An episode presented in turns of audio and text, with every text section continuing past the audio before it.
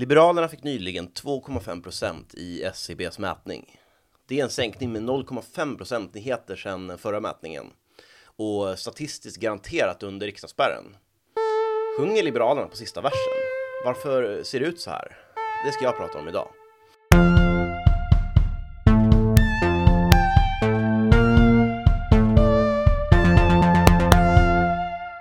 Först måste vi komma ihåg att det här inte är en ny utveckling. Trenden har gått neråt stadigt sedan åtminstone 2010. Det finns flera skäl till det och som är bakgrunden till varför det här händer idag. 2010 gick Folkpartiet i en alliansregering.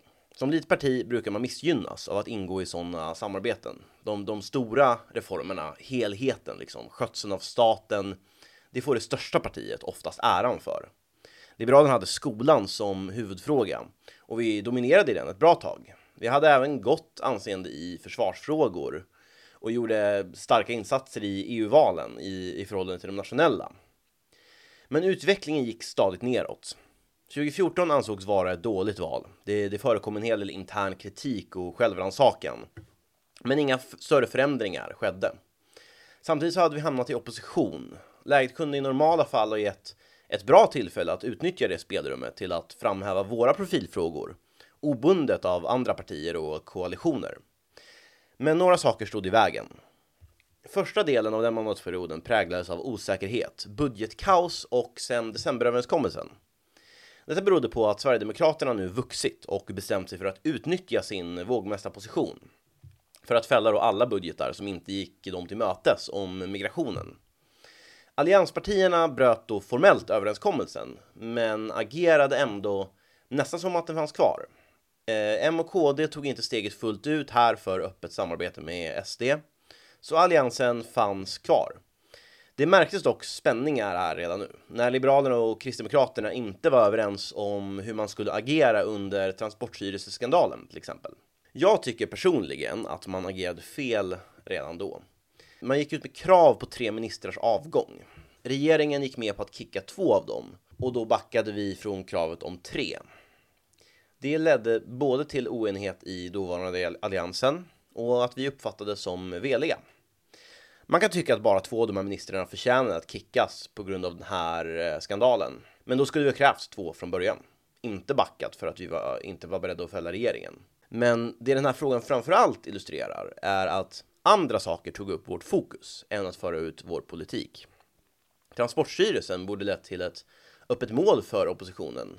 Men istället så lyckades man göra självmål. Vi hade också en partiledarstrid mellan Jan Björklund och Birgitta Olsson 2017 som ledde till en hel del intern mobilisering och sånt här kom helt enkelt att prägla vad vi nådde ut med under mandatperioden mer än vår politik. Efter 2018 så uppstod osäkerhet igen då Löfven avsattes men ingen annan kunde bilda regering. Så vi gick till slut med på januariavtalet. Många tror att det var ett dåligt beslut. Jag tror också att det delvis har befäst nedgången. De flesta av våra väljare har värderingar som ligger mer i linje med alliansens än med de rödgrönas. När vi sagt hela valrörelsen att målet mer än var en alliansregering så blev det svårt att köpa för många att det plötsligt ändrades. Januariavtalet innehöll mycket bra politik för Liberalerna. Om man kollar på de 72 punkterna så ser man att mycket av den politiken är just det som Liberalerna har drivit. Sossarna var verkligen beredda på eftergifter för att få fortsätta ha statsministerposten. Men problemet var dels att jag tror väljarna såg igenom huvudskälet till att bilda januariavtalet. Att det var att undvika Sverigedemokraterna.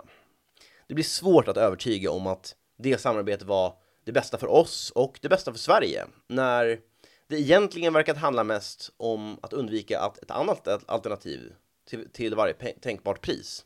Dels så fanns ingen riktig helhet i det här. Både Centerpartiet och Liberalerna hade ägnat lång tid åt att kritisera S inriktning. Annie Lööf sa att hon hellre skulle äta sin högra sko än sitta i en socialdemokratisk regering och så vidare.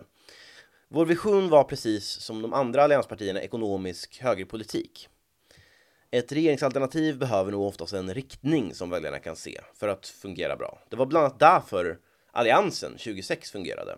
Bakom januariavtalet fanns ingen sån inriktning. Det var, det var ett olyckligt arrangerat äktenskap.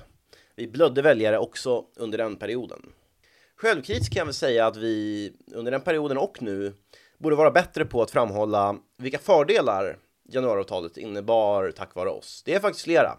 Kolla på punkterna i programmet. Det är flera som kan dem bättre än jag i detalj. Men jag trodde ändå på beslut att gå ifrån det. Vi har betydligt bättre chans att komma överens om en inriktning med en helhet för hela den svenska politiken med forna allianspartier än med sossar. Nu sjönk ju dock resultatet ännu mer i mätningen.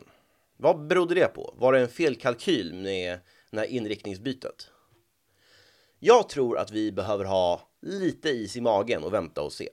Vi har precis bytt linje och de interna diskussionerna om det fortsätter och det syns fortfarande utåt. Det är nog alldeles för tidigt för att säga att vi ska kunna räkna med att ha vunnit ett förtroende för det bytet av inriktning.